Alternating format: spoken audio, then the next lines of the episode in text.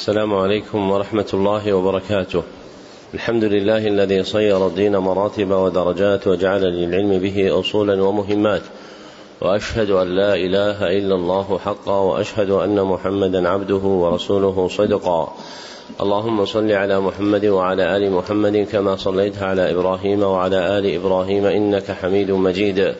اللهم بارك على محمد وعلى آل محمد كما باركت على إبراهيم وعلى آل إبراهيم إنك حميد مجيد. أما بعد فحدثني جماعة من الشيوخ وهو أول حديث سمعته منهم بإسناد كل إلى سفيان بن عيينة عن عمرو بن دينار عن أبي قابوس مولى عبد الله بن عمرو عن عبد الله بن عمرو بن العاص رضي الله عنهما عن رسول الله صلى الله عليه وسلم قال الراحمون يرحمهم الرحمن ارحموا من في الأرض يرحمكم من في السماء. ومن آكد الرحمة رحمة المعلمين بالمتعلمين في تلقينهم أحكام الدين وترقيتهم في منازل اليقين. ومن طرائق رحمتهم إيقافهم على مهمات العلم بإقراء أصول المتون وتبيين معانيها الإجمالية ومقاصدها الكلية. يستفتح بذلك المبتدئون تلقيهم ويجد فيه المتوسطون ما يذكرهم ويطلع منه المنتهون إلى تحقيق مسائل العلم. وهذا المجلس الثاني في شرح الكتاب الرابع عشر من برنامج مهمات العلم في سنته الثالثة ثلاث وثلاثين بعد الأربعمائة والألف وهو كتاب الورقات في أصول الفقه. للعلامة عبد الملك بن عبد الله الجويني رحمه الله المتوفى سنة ثمان وسبعين وأربعمائة. وقد انتهى بنا البيان إلى قوله رحمه الله وأما الأخبار. نعم. الحمد لله رب العالمين وصلى الله وسلم على نبينا محمد وعلى آله وصحبه أجمعين. اللهم اغفر لشيخنا ولوالديه ولمشايخه وللمسلمين أجمعين. قال العلامة عبد الملك بن عبد الله بن يوسف الجويني رحمه الله تعالى في كتابه الورقات في أصول الفقه. وأما الأخبار فالخبر ما يدخله الصدق والكذب والخبر ينقسم إلى قسمين آحاد ومتواتر. فالمتواتر ما يوجب العلم وهو أن يروي جماعة لا يقع التواطؤ على الكذب من مثلهم إلى أن ينتهي إلى المخبر عنه ويكون في الأصل عن مشاهدة أو سماع لا عن اجتهاد. والآحاد هو الذي يوجب العمل ولا يوجب العلم وينقسم إلى مرسل ومسند. فالمسند ما اتصل إسناده والمرسل ما لم يتصل إسناده. فإن كان من مراسيل غير الصحابة فليس بحجة. إلا مراسيل سعيد بن المسيب فإنها فتشت فوجدت مسانيد عن النبي صلى الله عليه وسلم. والعنعنة تدخل على الأسانيد. عندك المسيب ولا مسيب؟ مسيب. كسر الياء. كسر الياء. الأفصح المسيب المسيب سعيد المسيب. أحسن الله إليكم نعم. فإن كان من مراسيل غير الصحابة فليس بحجة إلا مراسيل سعيد بن المسيب فإنها فتشت فوجدت مسانيد عن النبي صلى الله عليه وسلم والعنعنة تدخل على الأسانيد. وإذا قرأ الشيخ يجوز للراوي أن يقول حدثني أو أخبرني وإن قرأه على الشيخ فيقول أخبرني ولا يقول حدثني. وإن أجازه الشيخ من غير رواية فيقول أجازني أو أخبرني إجازة. وأما ذكر المصنف رحمه الله فصلا آخر من أصول الفقه هو الأخبار. وعرف الخبر لأن الأخبار جمع خبر وإذا عقل معنى المفرد عقل معنى الجمع.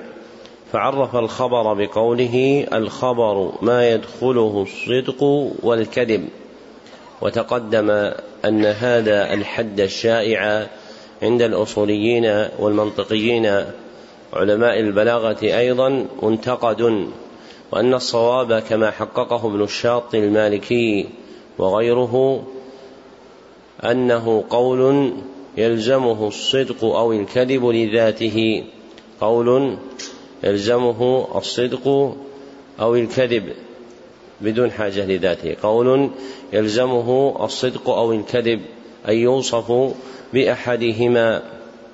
ثم ذكر المصنف قسمة الخبر باعتبار طرقه التي نقل بها إلينا فالخبر باعتبار طرق نقله رحمك الله فالخبر باعتبار طرق نقله ينقسم إلى قسمين. أحدهما المتواتر والآخر الآحاد والمتواتر والآحاد المبحوثان في أصول الفقه يتعلقان بالأخبار العامة لا الأخبار الخاصة. ثم درج متأخر الأصوليين على إلحاق الخبر الخاص وهو خبر الشريعة بالحكم عليه بالمتواتر والآحاد.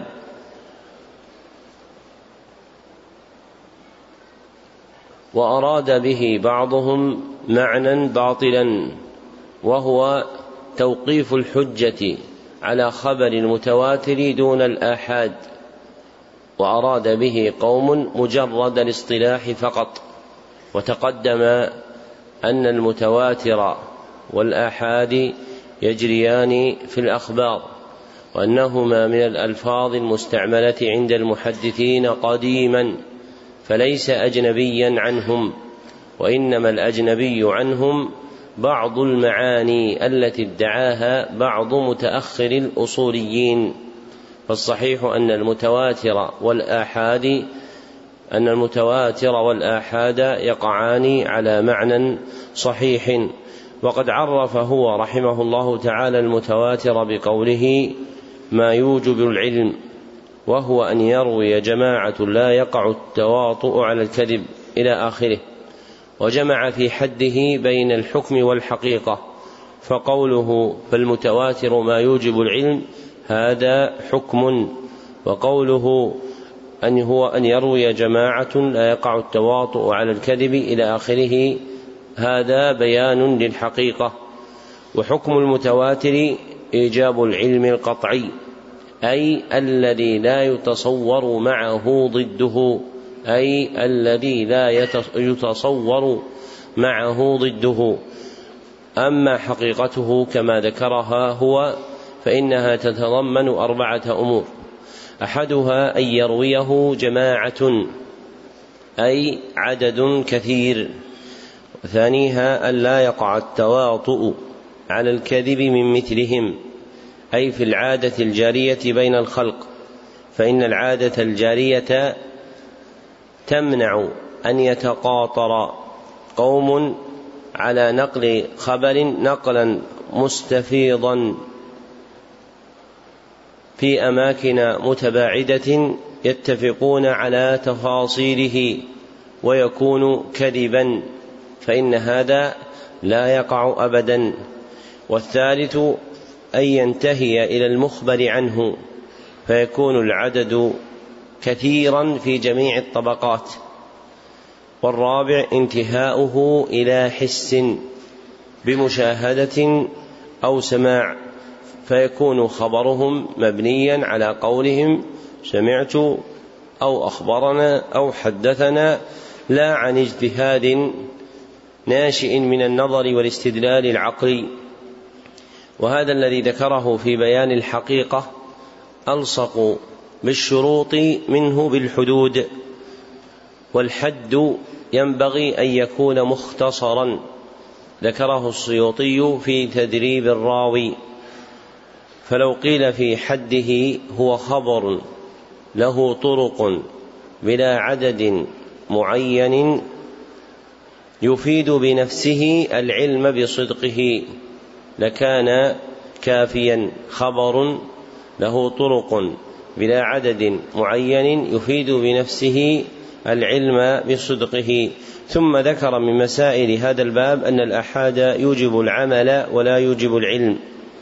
أي عند التجرد من القرائن فإن الآحاد إذا تجرد من القرينة كان مفيدا الظن ومعنى إفادته الظن هو احتماله الضد لإمكانه لا ضعف اليقين به ومرادهم بالظن إذ أطلقوه غلبته لأنها هي المعتد بها عند العلماء. دون مجرد الظن والصحيح أن خبر الآحاد قد يفيد العلم إذا صحبته قرينة مقوية. وهذا اختيار جماعة من المحققين منهم أبو العباس بن تيمية الحفيد وأبو الفضل ابن حجر رحمهم الله تعالى. وما ذكره من حكم الحد من من حكم الآحاد جعله بمنزلة الحد له. والصحيح أن يقال فيه نظير القول في المتواتر إن الآحاد خبر له طرق منحصرة لا يفيد بنفسه العلم بصدقه. خبر له طرق منحصرة لا يفيد بنفسه العلم بصدقه. وتقدم بيان هذه الجملة على وجه أوفى مما يناسب المقام في شرح نخبة الفكر. ثم ذكر قسمة أخبار الآحاد فقال فينقسم إلى مرسل ومسند وهذا من مآخذ تقسيمه فإن مآخذ تقسيمه متعددة وهذا المأخذ تقسيم له باعتبار اتصاله. فخبر الآحاد باعتبار الاتصال عنده نوعان أحدهما المرسل والآخر المسند. وعرف المسند بأنه ما يتصل إسناده. وعرف المرسل وعرف المسند بأنه ما يتصل إسناده. وعرف المرسل بأنه ما لم يتصل إسناده.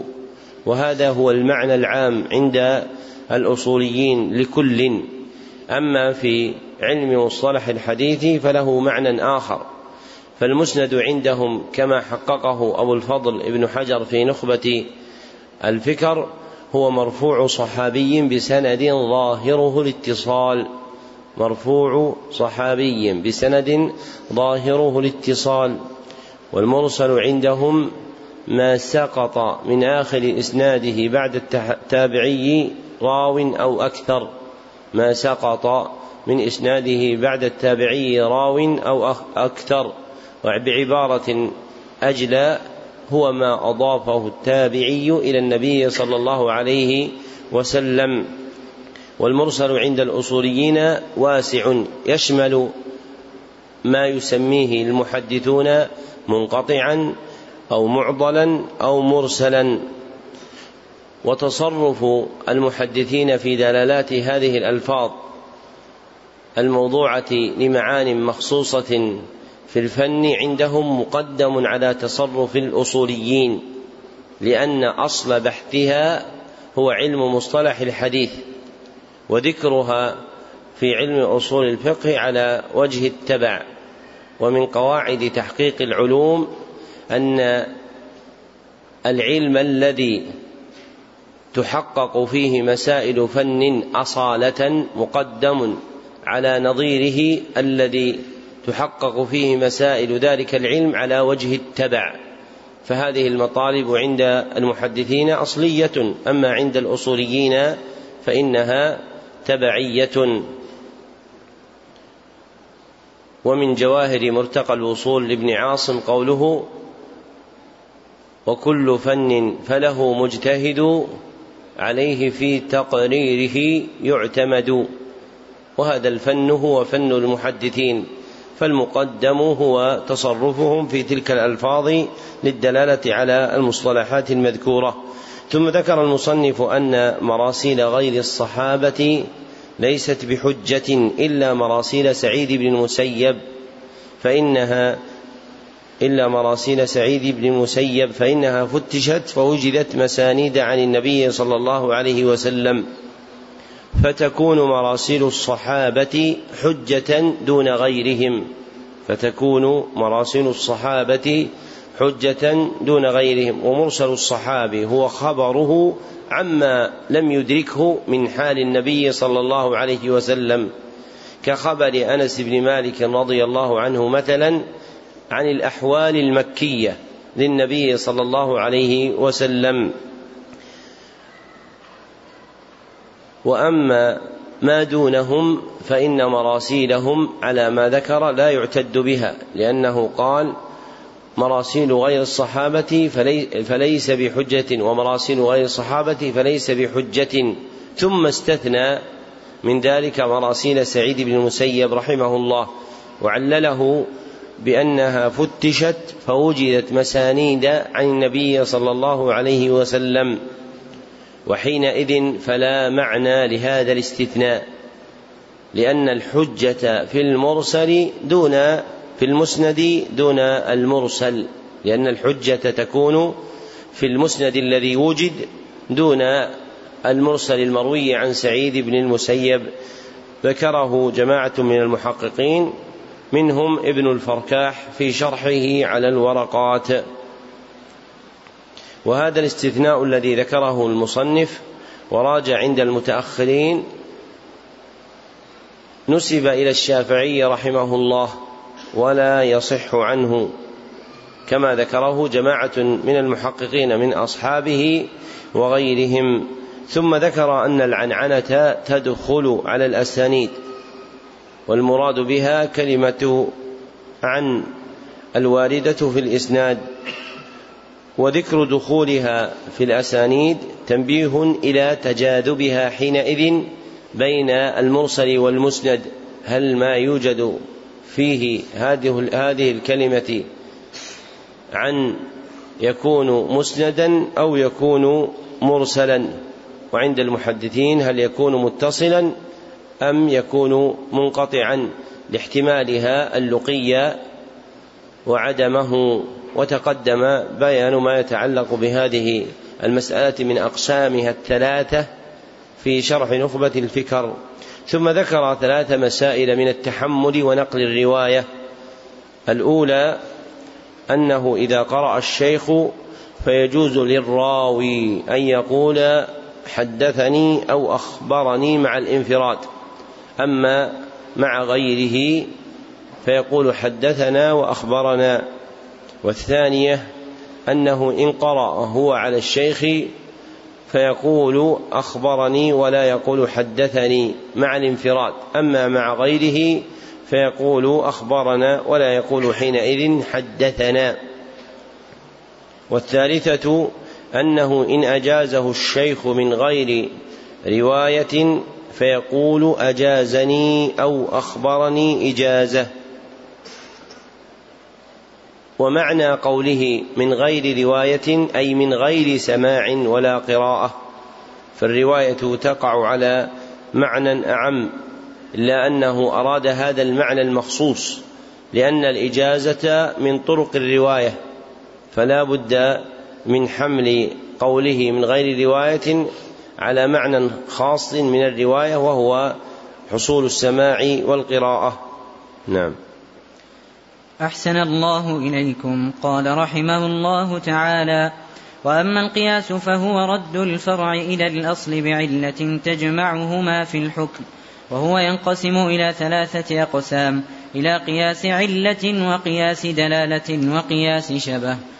فقياس العلة ما كانت العلة فيه موجبة للحكم وقياس الدلالة هو الاستدلال بأحد النظيرين على الآخر وهو أن تكون العلة دالة على الحكم ولا تكون موجبة للحكم وقياس الشبه هو الفرع المتردد بين أصلين فيلحق بأكثرهما شبها ولا يصار إليه مع إمكان ما قبله.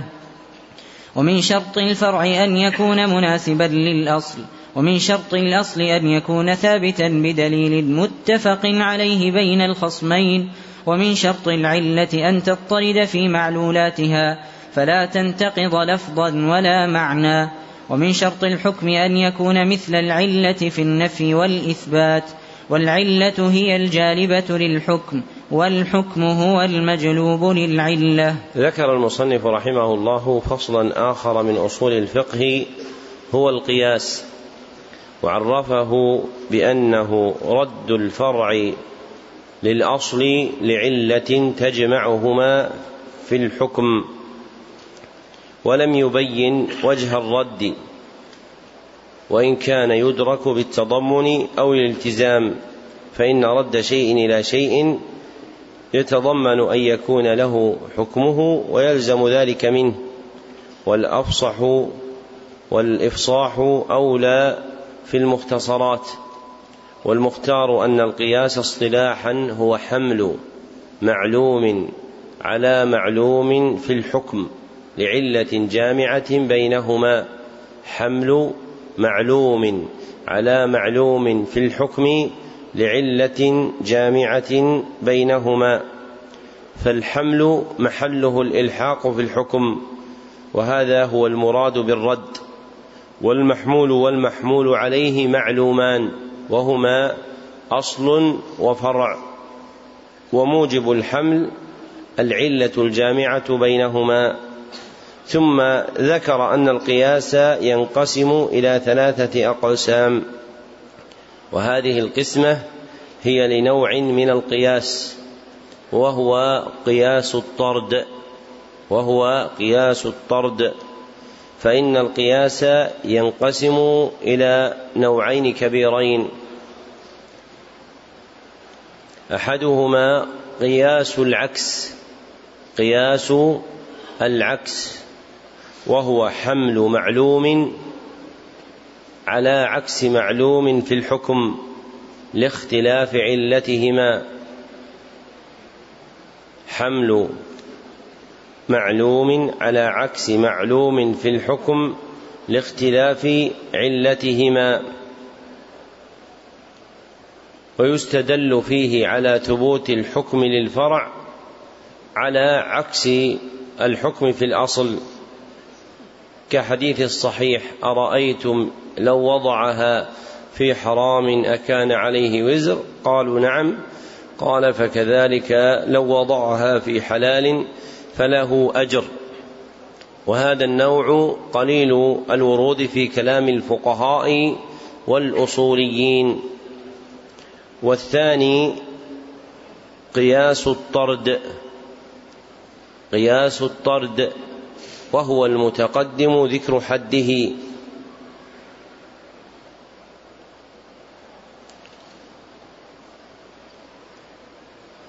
وإياه قصد الأصوليون بترجمة الباب المعروفة عندهم في قولهم القياس فإنهم يريدون معنى مخصوصا وهو قياس الطرد دون العكس. وهذا النوع الثاني به تتعلق الأقسام الثلاثة التي ذكرها المصنف باعتبار الجامع بين الأصل والفرع. فالأول قياس العلة وهو ما جمع فيه بين الأصل والفرع علة ظاهرة. ما جمع فيه بين الأصل والفرع علة ظاهرة. والثاني قياس الدلالة وهو ما جمع فيه بين الأصل والفرع دليل العلة. وهو ما جمع فيه بين الأصل والفرع دليل العلة. وهو أثرها وموجبها. والثالث قياس الشبه.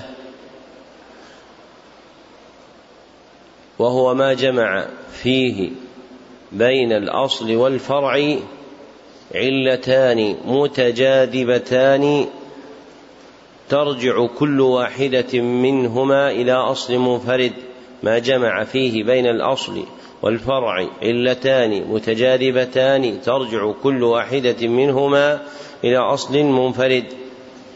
وتقدم أن العلة هي الوصف الشرعي المنضبط الذي علق به الحكم.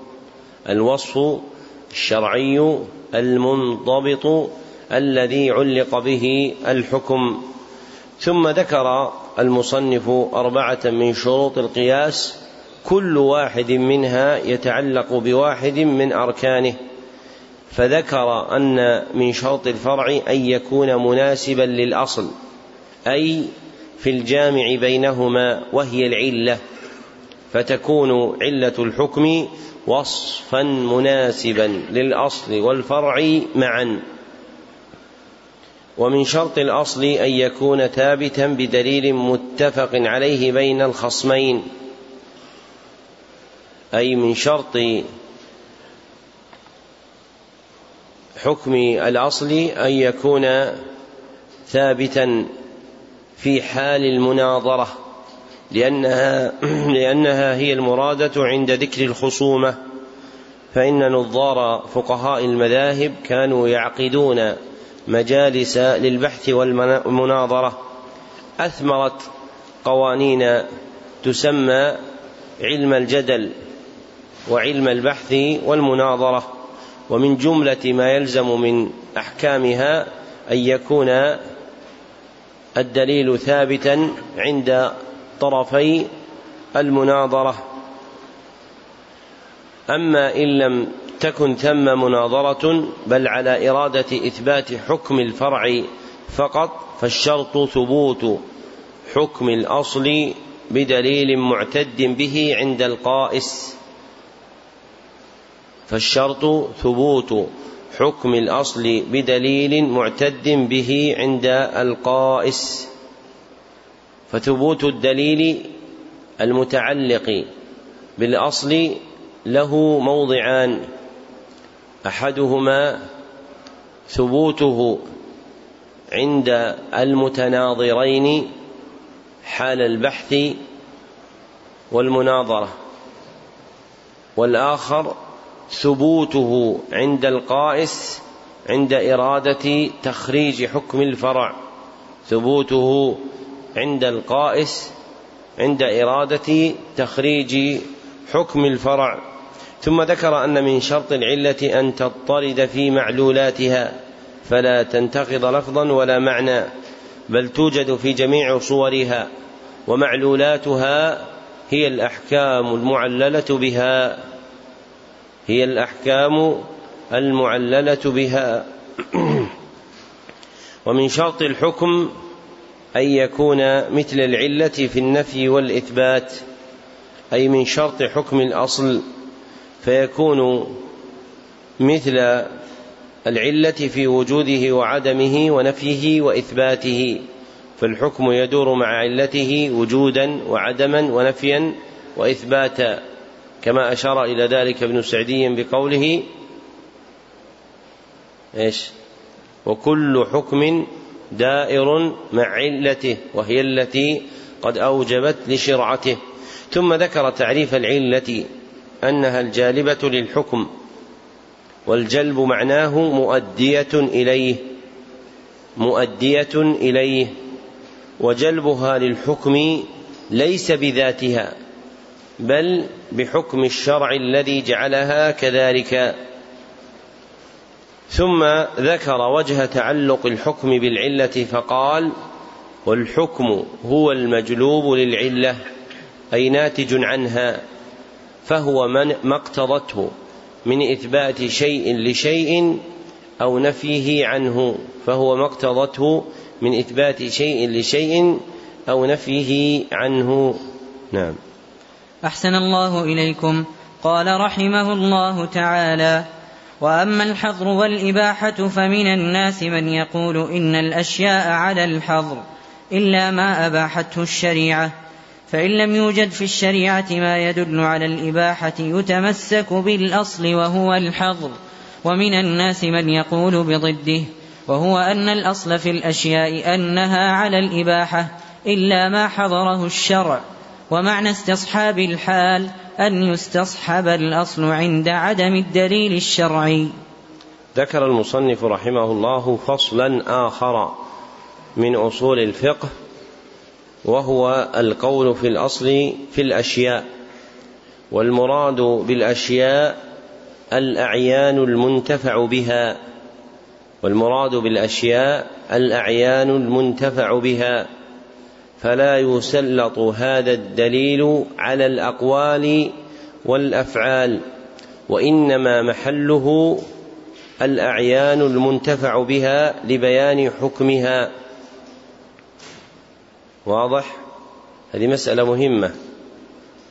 أن محل الاستدلال بالأصل في الأشياء عند الأصوليين إيش؟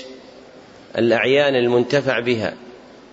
أما أن يأتي واحد يصدر منه قول أو يأتي واحد ويصدر منه فعل لا يسوغ حينئذ نقول إن الأصل في الأشياء الأصل في الأقوال والأفعال الإباحة لأن هذا ليس مرادا عندهم وإنما المراد عندهم هو الأعيان المنتفع بها وسمي هذا الفصل الحظر والإباحة لتردد الحكم بينهما وسمي هذا الفصل الحظر والإباحة لتردد الحكم بينهما.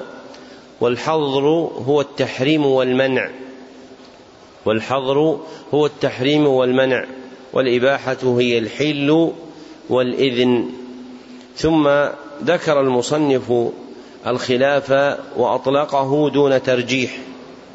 والمختار أن الأعيان المنتفع بها تنقسم باعتبار المصلحة والمفسدة إلى أربعة أقسام أن الأعيان المنتفع بها تنقسم باعتبار المصلحة والمفسدة إلى أربعة أقسام.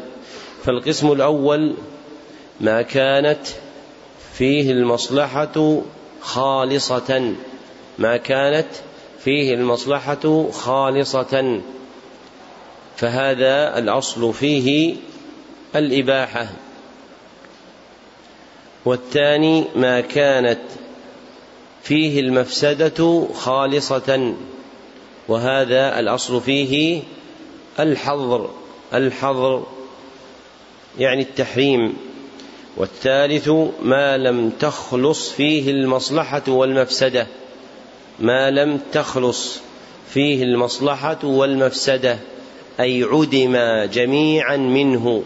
أي عدم جميعا منه وهذا القسم موجود عقلا غير موجود في الخارج. فوجوده وجود أذهان لا وجود أعيان. ولهذا لم يعده أحد من العلماء. ذكره العلامة محمد محمد الأمين الشنقيطي رحمه الله. والرابع ما كانت فيه مصلحة ومفسدة. ما كان فيه مصلحة ومفسدة. فالحكم فيه لما رجح منهما. فالحكم فيه لما رجح منهما. فإن رجحت المصلحة فالأصل الإباحة. وإن رجحت المفسدة فالأصل الحظر. وإن تساويا قيل حينئذ درء المفاسد مقدم على جلب المصالح فصار حكمه الحظر. وهذه القاعدة كما سلف مختصة بهذا المحل وليست قاعدة مطلقة. ومحلها المنصوص عليه هو استواء المصالح والمفاسد. ذكر ذلك القرافي في الفروق. ذكر ذلك القرافي في الفروق. طيب ذكرنا لكم أن ابن أن ابن القيم رحمه الله يقول إنه لا يوجد شيء تستوي فيه المصالح والمفاسد. فما الجواب؟ نعم نعم.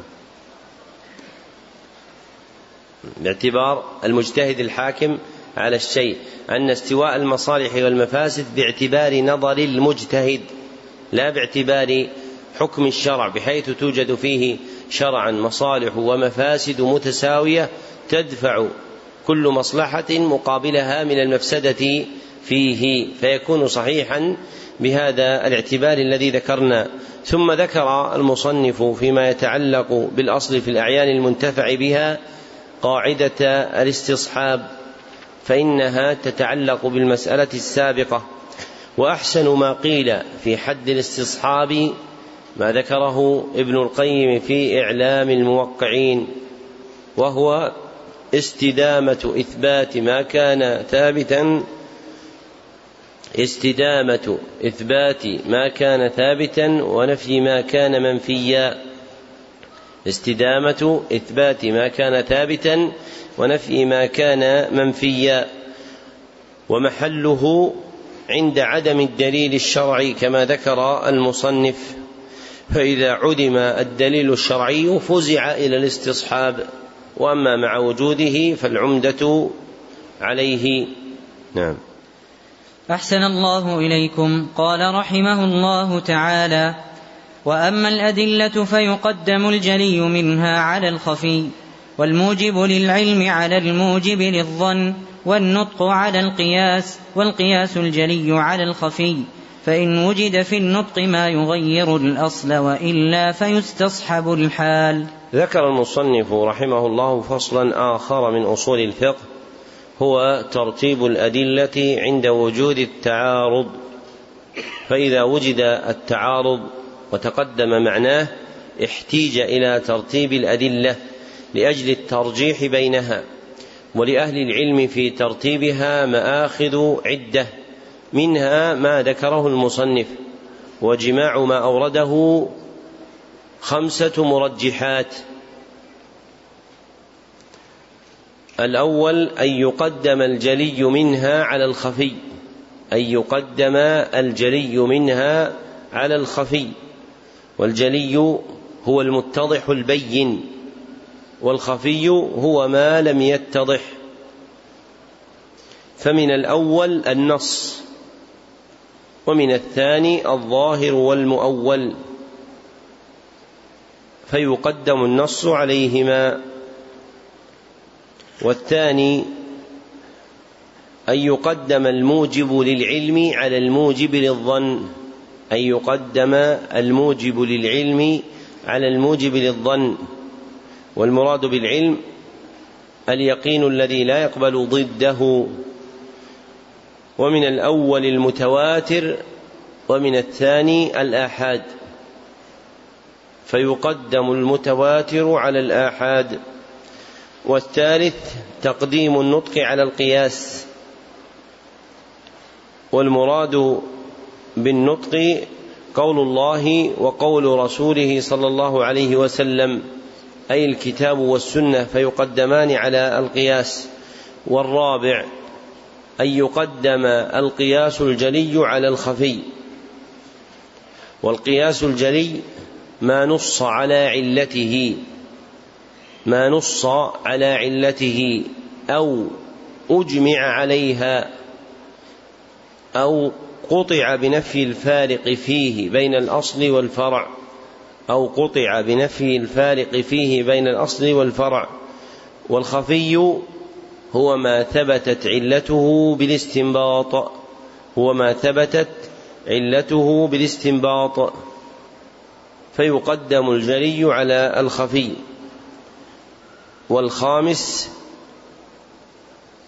تقديم النطق إذا وجد فيه ما يغير الأصل. تقديم النطق إذا وجد فيه ما يغير الأصل على استصحاب الحال. تقديم النطق وهو كما تقدم القرآن والسنة إذا وجد فيه ما يغير الأصل على استصحاب الحال. والمراد بالأصل البراءة الأصلية. والمراد بالاستصحاب باستصحاب الحال العدم الأصلي. والمراد باستصحاب الحال العدم الأصلي. فالبراءة الأصلية مقدمة على العدم الأصلي. نعم. أحسن الله إليكم. قال رحمه الله تعالى ومن شرط المفتي أن يكون عالما بالفقه أصلا وفرعا خلافا ومذهبا. وأن يكون كامل الآلة في الاجتهاد عارفا بما يحتاج إليه في استنباط الأحكام من النحو واللغة ومعرفة الرجال وتفسير الآيات الواردة في الأحكام والأخبار الواردة فيها. ومن شرط المستفتي أن يكون من أهل التقليد فيقلد المفتي في الفتيا وليس للعالم أن يقلد. والتقليد قبول قول القائل بلا حجة فعلى هذا قبول قول النبي صلى الله عليه وسلم يسمى تقليدا.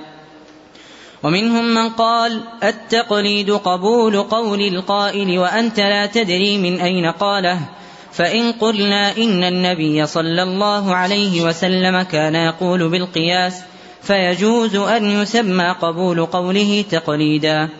وأما الاجتهاد فهو بذل الوسع في بلوغ الغرض فالمجتهد إن كان كامل الآلة في الاجتهاد. فإن اجتهد في الفروع فأصاب فله أجران وإن اجتهد فيها وأخطأ فله أجر واحد. ومنهم من قال كل مجتهد في الفروع مصيب.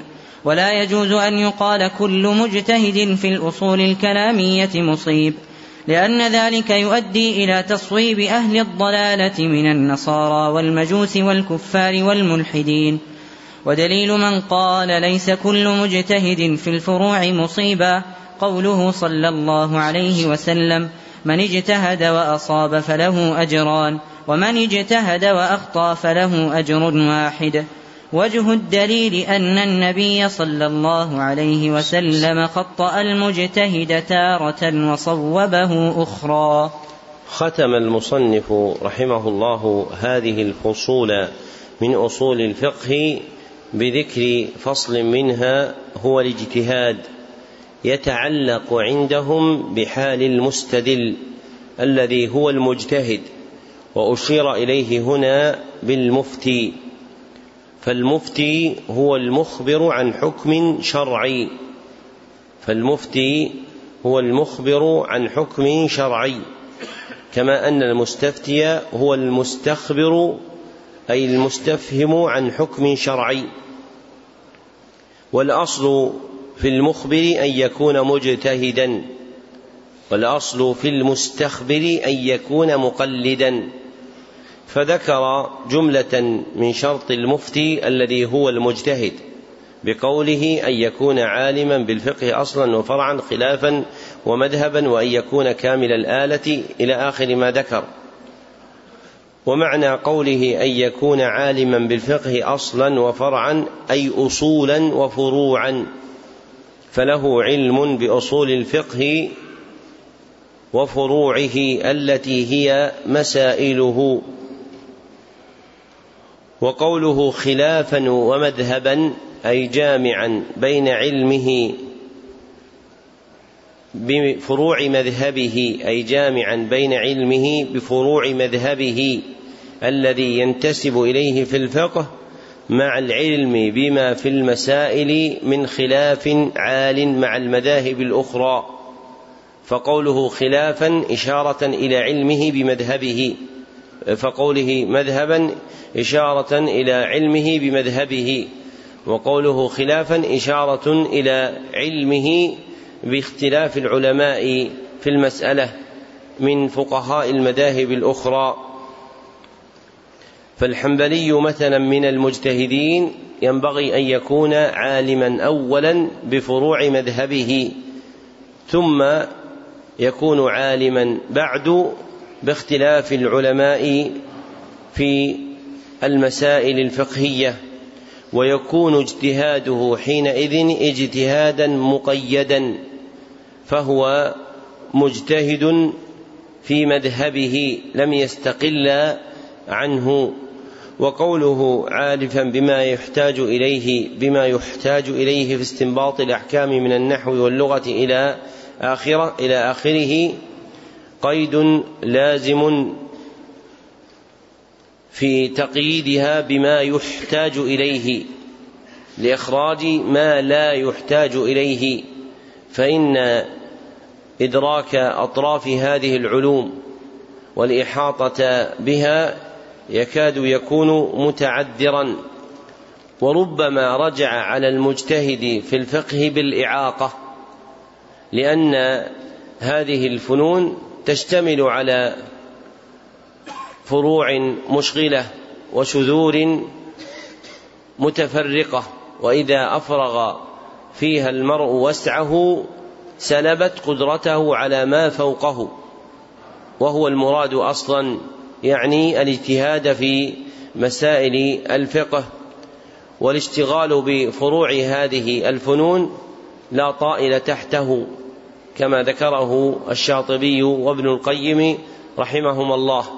فالمأخوذ به في نعت المجتهد هو المحتاج إليه منها فما يحتاج إليه منها لازم للمجتهد لتوقف اجتهاده عليها في فهم ألفاظ الكتاب والسنة. وما فوق ذلك فإنه لا ينتهي إلى حد أصلا. وقد ذكر الشافعي وابن فارس أن الإحاطة باللغة متعذرة على الخلق وأنها لا تكون إلا لنبي يوحي إليه الله سبحانه وتعالى أي فيرزقه معرفة لغات المتخاطبين معه من أهل العربية والقول في بقية العلوم الآلية كالقول في اللغة. فهي لا تنتهي إلى حد وإنما المطلوب منها هو القدر الذي يحتاج إليه في الاجتهاد مما تتهيأ النفس عند الحصول عليه لفهم الكتاب والسنة. وبهذا تعلم غلط طائفتين. الأولى طائفة أوجبت على المجتهد استيعاب الغاية فيما يتعلق باجتهاده من الفنون. وهذا أمر شاق لا يكاد يقدر عليه إلا نزر يسير إن وجد. والثانية طائفة جعلت الاجتهاد حما مستباحا ومرتعا خصبا لكل أحد. فبمجرد تعاطيه صنعة العلم تكون له يد في الاجتهاد فيه. واضح؟ وين موجودة هذه الطائفة؟ موجودة في الحياة العامة والحياة الخاصة. فالحياة العامة خارج دور العلم وأهله كمن يتسلط على العلم من انصاف المتعلمين من المتشرعة أو المتشبهة بهم. أو المفكرين أو المثقفين. وفي الحال الخاصة في دور التعليم المعروفة بالجامعات التي ينشأ فيها الطالب على ما يسمى بالرأي الشخصي. وهذا الرأي الشخصي في المسائل الذي يسمونه استقلالية الباحث معناه الاجتهاد. والجم الغفير من المتعاطين للدراسات الأكاديمية ليست لهم آلة على الاجتهاد وأصل هذا من نقل الأحوال التي عليها هذه المعارف في بلاد الكفار إلينا. وأهل العلم ينبغي أن ينشئون طلابه على خفض الجناح وإعظام الأكابر وأن من أرى رام أن يصل إلى شيء يرجحه فهو يستعين بكلام المحققين عليه. وإذا صنع ذلك على وجه الدربة تحت إشراف أستاذه فلا بأس أما جعله أصلا مضطردا يطلب من كل أحد فهذا يضعف الشريعة في حمايتها حق الاجتهاد وأنه ليس لكل أحد. ولما ضعف هذا الأصل في نفوس الناس صاروا يعتذرون لكل ضال بقولهم هو مجتهد فلا ينكر عليه. وهذا خطأ. وإنما أحسن ما يقال في حقه هو مريد للخير وفرق بين إرادة الخير والاجتهاد فيه. فإرادة الخير الرغبة فيه وقد تكون مع فقد الآلة. وأما الاجتهاد فلا بد من وجود آلة له. وعند الدارمي عن ابن مسعود رضي الله عنه أنه قال كم من مريد للخير لن يصيبه وإسناده جيد فيعتذر له فيما يتعلق بحاله أنه مريد للخير مع بيان خطئه والرد عليه. فالجاري في ألسنة الناس من قولهم إن فلانا مجتهد فلا ينكر عليه غلط ودعوى الاجتهاد تكاد تكون مفقودة في المعاصرين فضلا عمن من المعاصرين المعروفين بالتمكن من العلم. فضلا عمن ينسب إلى العلم ويدعي فيه بعض الناس أنه مجتهد مطلق. فإذا أردت أن تلتمس معرفته بالعربية أو بالحديث خاصة تبين لك عواره. وهذان العلمان مفقودان عند أكثر من ينسب أو ينسبه المعجبون به إلى الاجتهاد. وإذا عظم هذا الأصل في الناس نشأ منه تعظيم الأوائل وأن علوم الأوائل هي التي ينبغي أن تجمع عليها القلوب وأن يعتني المرء في تحصيلها. ولأجل هذا جعل الشاطبي من شرط تلقي العلم في الكتب أن يكون تلقيه عن علو عن كتب الأوائل لأنها أصح علما وأكثر نفعا للمتلقي.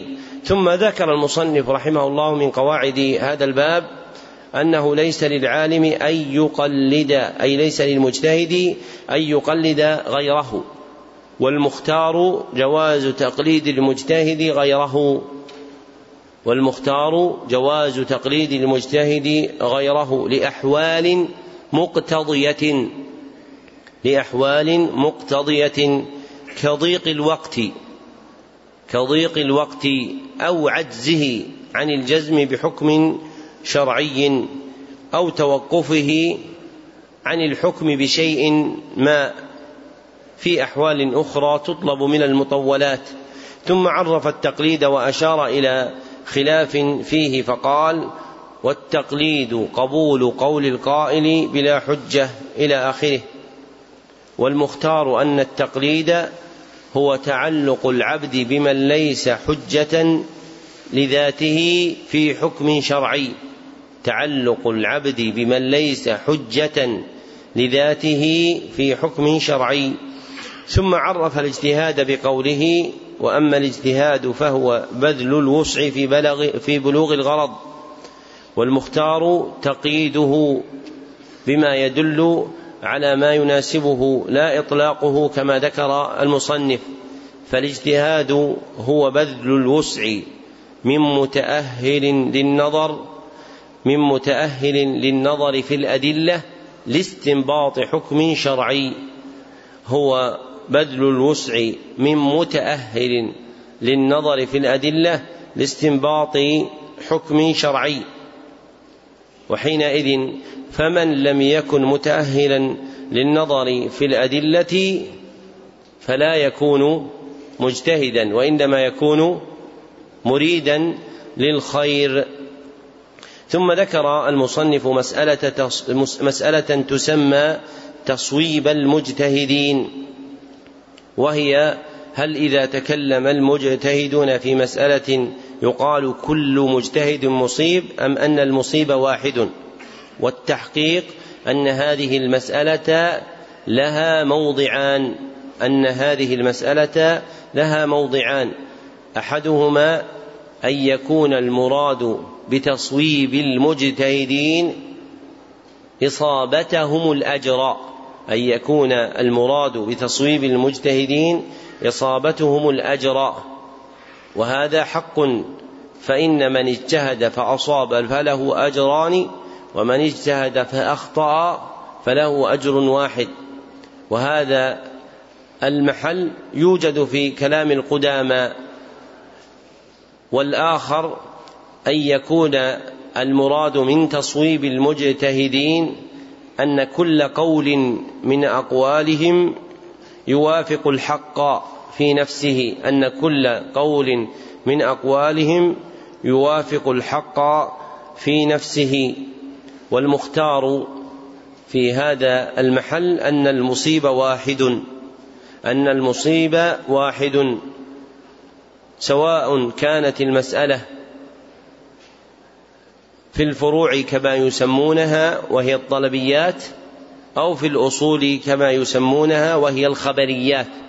وإليها أشار المصنف بقوله الأصول الكلامية.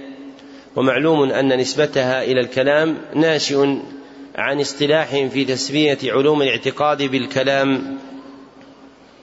والاجتهاد يقع في المسائل الطلبية والخبرية على حد سواء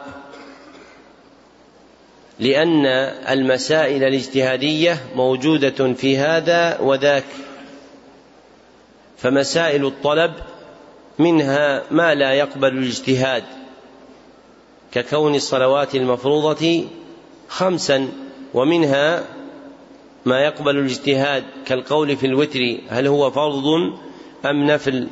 ومسائل الخبر منها مسائل لا تقبل الاجتهاد كالإيمان باليوم الآخر ومنها مسائل تقبل الاجتهاد كالقول في رؤية الكفار ربهم يوم القيامة.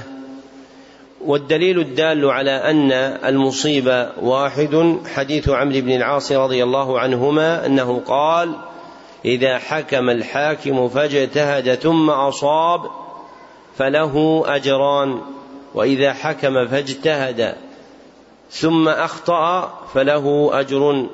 متفق عليه بهذا اللفظ.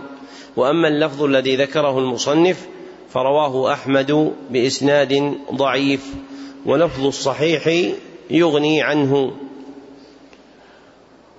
وخبره صلى الله عليه وسلم بأن الحاكم يعني المجتهد يصيب ويخطئ دليل على أن المجتهدين في المسألة لا يمكن أن يكون جميعهم مصيبا بل يكون أحدهم مصيبا ويكون غيره مخطئا مع توفير الأجر لكل. فالمصيب له أجران والمخطئ له أجر واحد.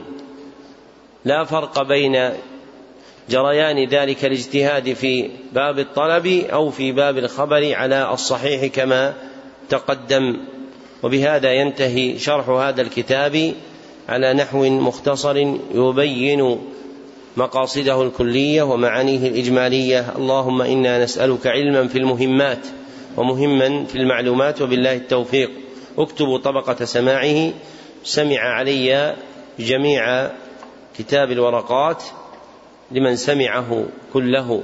ومعنى سمعه كله يعني سمعه كله. بعض الإخوان يقول نحن نتأخر خمس دقائق هذه تقدح ولا ما تقدح؟ هذه ما سمعه كله. عندك فوت فلا بد أن تضبط هذا الفوت فتستدركه إما بالحضور في سنة قادمة أو في غير ذلك من البرامج التي يقرأ فيها الكتاب الذي فاتك أو أن تكون حضرته في السنة الماضية. فمن حضر السنة الماضية وفاته شيء يعلم أنه قطعا سمعه في السنة الماضية فهذا يغني عن فهذا يكون كافيا في جبر فوته. ومن جنس الغياب بالتأخر الغياب بالنوم. فالذي ينام حتى يفقد إدراكه وتطول مدته فهذا نائم. قد فاته شيء من السماع. بخلاف لو أن الإنسان خفق رأسه خفقا يسيرا. أما مجرد أن أن يغمض عينيه ويسترسل فهذا عليه فوت. وهذا الدين أمانة والقائم بحفظها هو الله. فلا تكن خصيما لله في أمانته. إياكم واحد يظن أنه يمشي شيء من إخلاله على الله عز وجل. يسلب بركة ما تعلمه.